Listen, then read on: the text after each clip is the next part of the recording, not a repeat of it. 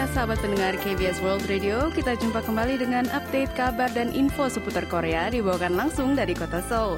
Hari ini kita akan membahas info tentang nominasi dan ajang penghargaan yang lagi hangat diperbincangkan di Korea. Ada juga album akhir tahun dari NCT yang ditunggu-tunggu oleh para NCTzens Tapi sebelumnya kita bahas dulu info pertama hari ini Berkaitan dengan tradisi tahun baru di Korea. Apakah itu? Akan kita bahas saat lagi. Stay tune di AIS. Annyeonghaseyo inilah Seoul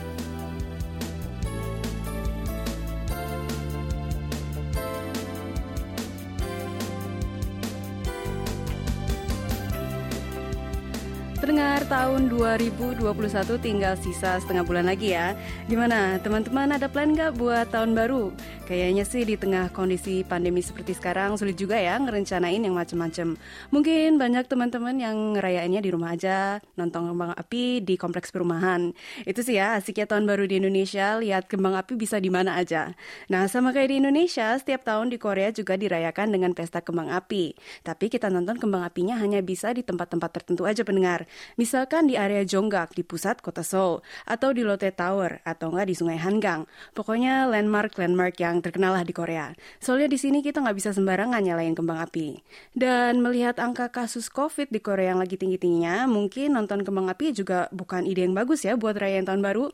Nah, untungnya nih salah satu tradisi lain ada juga di Korea yang lebih aman daripada rame-rame nonton kembang api, yaitu melihat pemandangan matahari terbit di pagi 1 Januari hari pertama tahun baru ya. Pasti banyak ya teman-teman yang tahu kalau di Korea itu ada banyak sekali gunung. Pokoknya di mana pun kita tinggal pasti ada dekat gunung di situ. Kira-kira ya nggak lebih dari 30 menitan lah. Dan sebagai alternatif nonton kembang api di pusat kota, banyak juga warga Korea yang memilih untuk mendaki gunung dan melihat pemandangan matahari terbit. Jadi sebenarnya info pertama hari ini adalah membahas gunung-gunung apa aja nih di kota Seoul yang punya pemandangan sunrise yang cantik buat ngerayain tahun baru. Yang pertama ada Gunung In Wangsan. Ceritanya di zaman Joseon, Gunung In Wangsan ini digunakan sebagai benteng yang melindungi kota Seoul. Dulu namanya kota Hanyang dari serangan luar. Di sini juga ada benteng beneran, teman-teman, yaitu benteng Hanyang Dosong.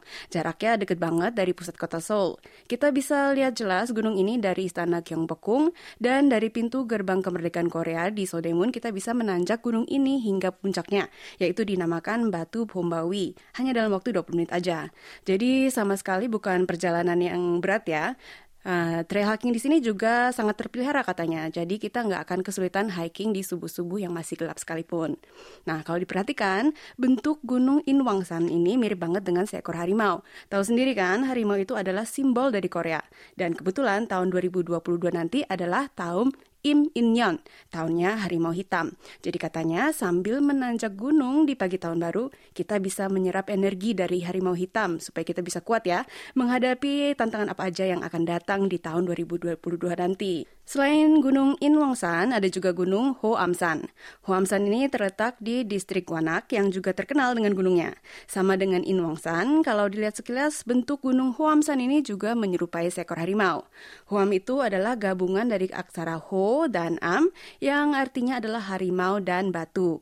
Dibandingin dengan Gunung Inwangsan tadi, puncak Gunung Hoamsan nggak terlalu tinggi, jadi waktu kita untuk melihat matahari pun telat 10 menit dibandingkan gunung lainnya. Tapi pemandangan di sini nggak kalah cantiknya.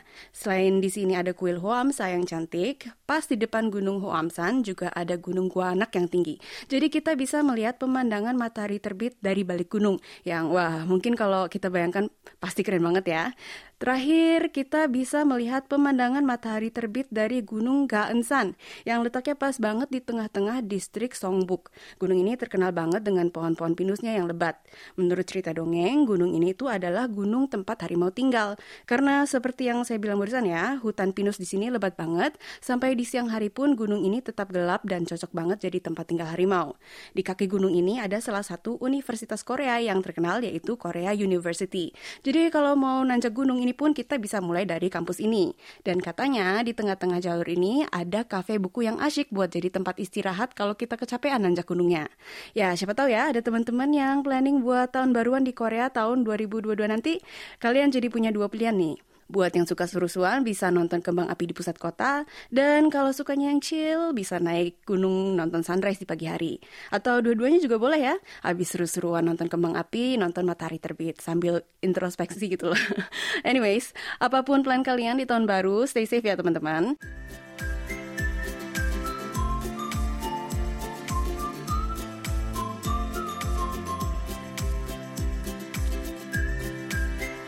Kabar selanjutnya juga seputar topik yang masih hot diperbincangkan di media.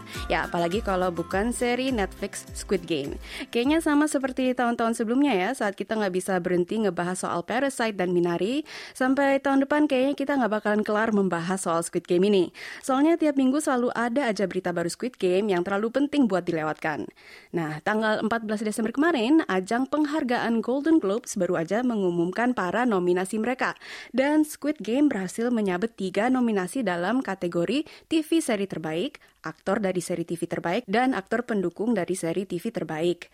Dalam kategori TV terbaik, Squid Game akan berkompetisi dengan seri TV Amerika Morning Show dan Pose, serta seri TV asal Prancis Lupang. Untuk kategori aktor dari seri TV terbaik, Lee Jong Jae akan berkompetisi dengan Billy Porter dari seri Pose, Omar Sy dari Lupang, dan Brian Cox dari seri Succession. Sementara untuk kategori terakhir, yaitu aktor pendukung dari seri TV terbaik, aktor pemeran Oil Nam, Oh Yong Soo terpilih sebagai salah satu nomininya. Sama seperti pendahulunya, Parasite dan Minari, Squid Game juga mencetak sejarah baru sebagai seri TV Korea pertama yang berhasil meraih berbagai nominasi di ajang penghargaan film dan TV internasional ya.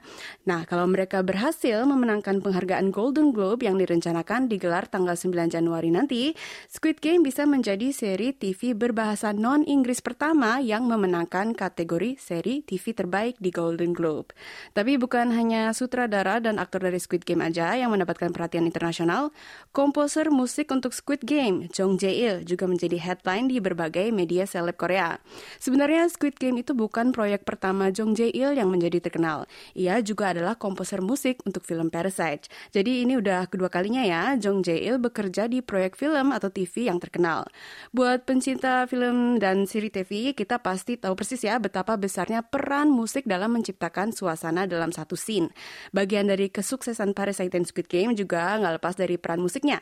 Dan baru-baru ini, brand luxury fashion Chanel menobatkan Jong Jae-il sebagai salah satu dari 10 bintang Chanel Next Prize. Chanel Next Prize ini adalah penghargaan internasional dari brand Chanel untuk mempromosikan inovasi dalam dunia seni dan budaya. Tiap tahunnya 10 tokoh influential mulai dari dunia desain, film, pertunjukan seni, seni visual, musik, dan lain-lain dipilih dan mendapatkan hadiah sebesar sebesar 100 ribu euro, serta mendapatkan berbagai kesempatan untuk melakukan program mentor dan networking yang disponsori oleh Chanel. Alasan Jong Jae-il terpilih sebagai salah satu pemenang Chanel Next Prize katanya adalah kesuksesannya menciptakan genre baru yang memadukan suara musik tradisional Korea dengan instrumen musik dari barat. Wah, selamat ya buat Jong Jae-il dan selamat juga buat Squid Game yang lagi-lagi bisa membuat Korea bangga dengan karya anak bangsanya. Kayaknya kompetisi buat jadi Parasite dan Squid Game selanjutnya nih sangat sengit ya di tahun depan. Dan saya juga nggak sabaran nih menanti film-film dan seri keren dari Korea selanjutnya. Saya rasa sahabat pendengar juga begitu ya.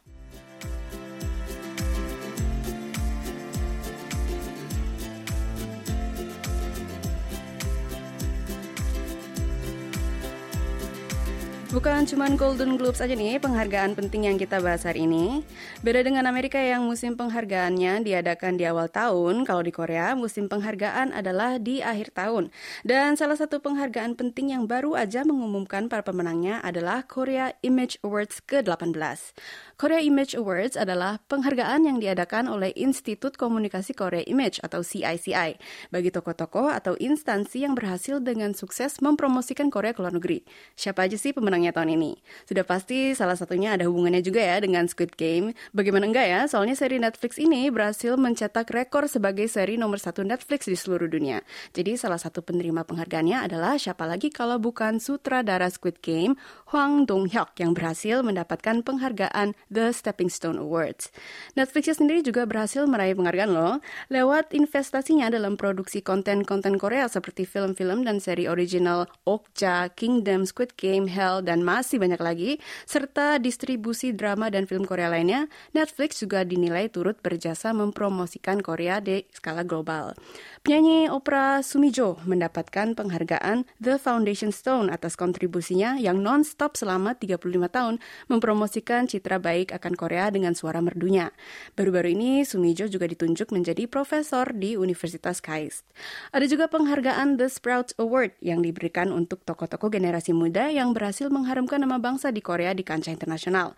Penghargaan ini diberikan untuk Kim Jae-dok, atlet tim dari putra panahan Korea yang berhasil menjadi atlet peraih medali paling muda Korea lewat penampilannya di Olimpiade Tokyo tahun ini.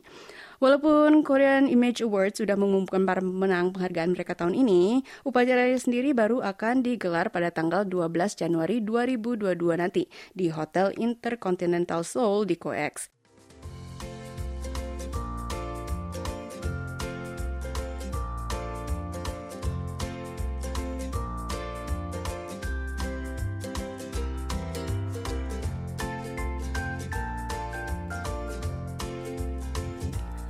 Info selanjutnya saya akan bahas tentang film Korea yang akan dirilis dan banyak diantisipasi oleh warga Korea karena tema filmnya pas banget dengan situasi Korea sekarang ini, yaitu tentang pemilihan presiden. Ya benar teman-teman, walaupun kita jarang-jarang bahas ya di AIS, sekarang ini Korea lagi rame banget bicarain soal pemilihan umum presiden karena pemilu Korea tinggal sebentar lagi yaitu di bulan April tahun depan. Film yang baru dirilis ini berjudul Kingmaker. Saya sebenarnya juga baru belum lama ini ya belajar istilah kingmaker teman-teman gara-gara nonton dramanya So Hyun dan Go Kyung Pyo yang Private Lives itu loh. Kingmaker artinya adalah individu atau sekelompok orang yang punya pengaruh sangat besar sehingga mereka bisa menentukan siapa yang akan jadi pemimpin atau enggak presiden negara selanjutnya. Film ini pun mengangkat tema ini yaitu terinspirasi dari kisah nyata pemilihan presiden Korea di tahun 1970. Disutradarai oleh Byung Song Hyun, film ini dibintangi oleh Sul Kyung-gu dan juga Lee Sun-gyeon yang memerankan politikus Kim Un-bom dan juga strategis politiknya So Changde, namanya nih. Katanya dua tokoh ini terinspirasi dari almarhum mantan Presiden Korea Kim Dae-jong dan juga strategis pemilu Om Chang-nok. Film ini akan mengeksplor bagaimana proses seseorang dapat terpilih sebagai kandidat bahkan terpilih jadi presiden. Sekaligus bertanya apakah iya di negara demokrasi rakyatnya benar-benar punya suara untuk memilih pemimpin mereka atau semua itu udah diatur ya oleh kelompok-kelompok tertentu yang punya pengaruh besar di dunia politik. Karena itu walau walaupun settingnya di tahun 1970-an, alur cerita ini sangat relatable banget dengan masa kini. Soalnya suasana politik di Korea juga sekarang lagi agak-agak keruh dikit gitu ya, soal sebentar lagi pemilu. Dan kata sang sutradara, warga yang nggak terlalu paham dengan politik ataupun kurang tertarik dengan politik pun bisa menikmati film ini karena alurnya dibuat sedemikian rupa agar semua penonton dapat mengerti atau bahkan dapat belajar tentang proses politik di Korea. Kingmaker akan dirilis di bioskop-bioskop Korea tanggal 29 Desember 2021 mendatang datang.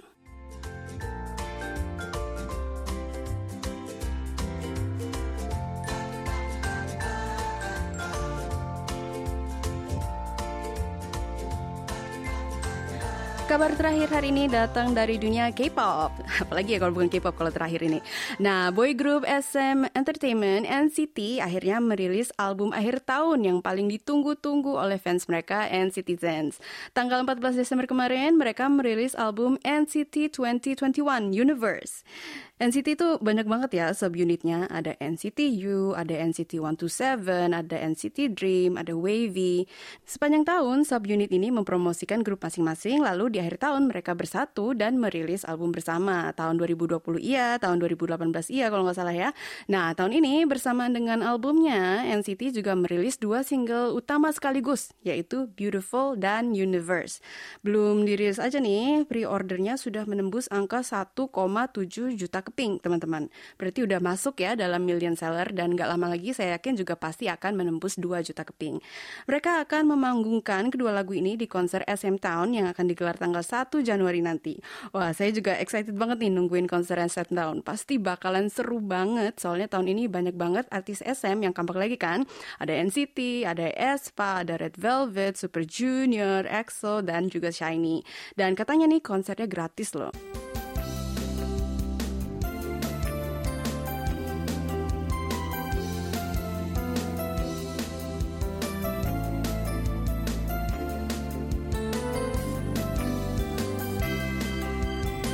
Sekian info dan kabar dari AIS hari ini. Semoga dapat menghibur teman-teman pendengar di mana pun kalian dengerin siaran KBS ya.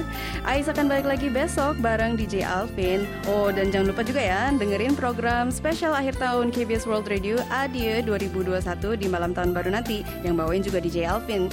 Saya Nikita Kusari mohon pamit. Terima kasih atas kebersamaannya. Nedo Hamkeo.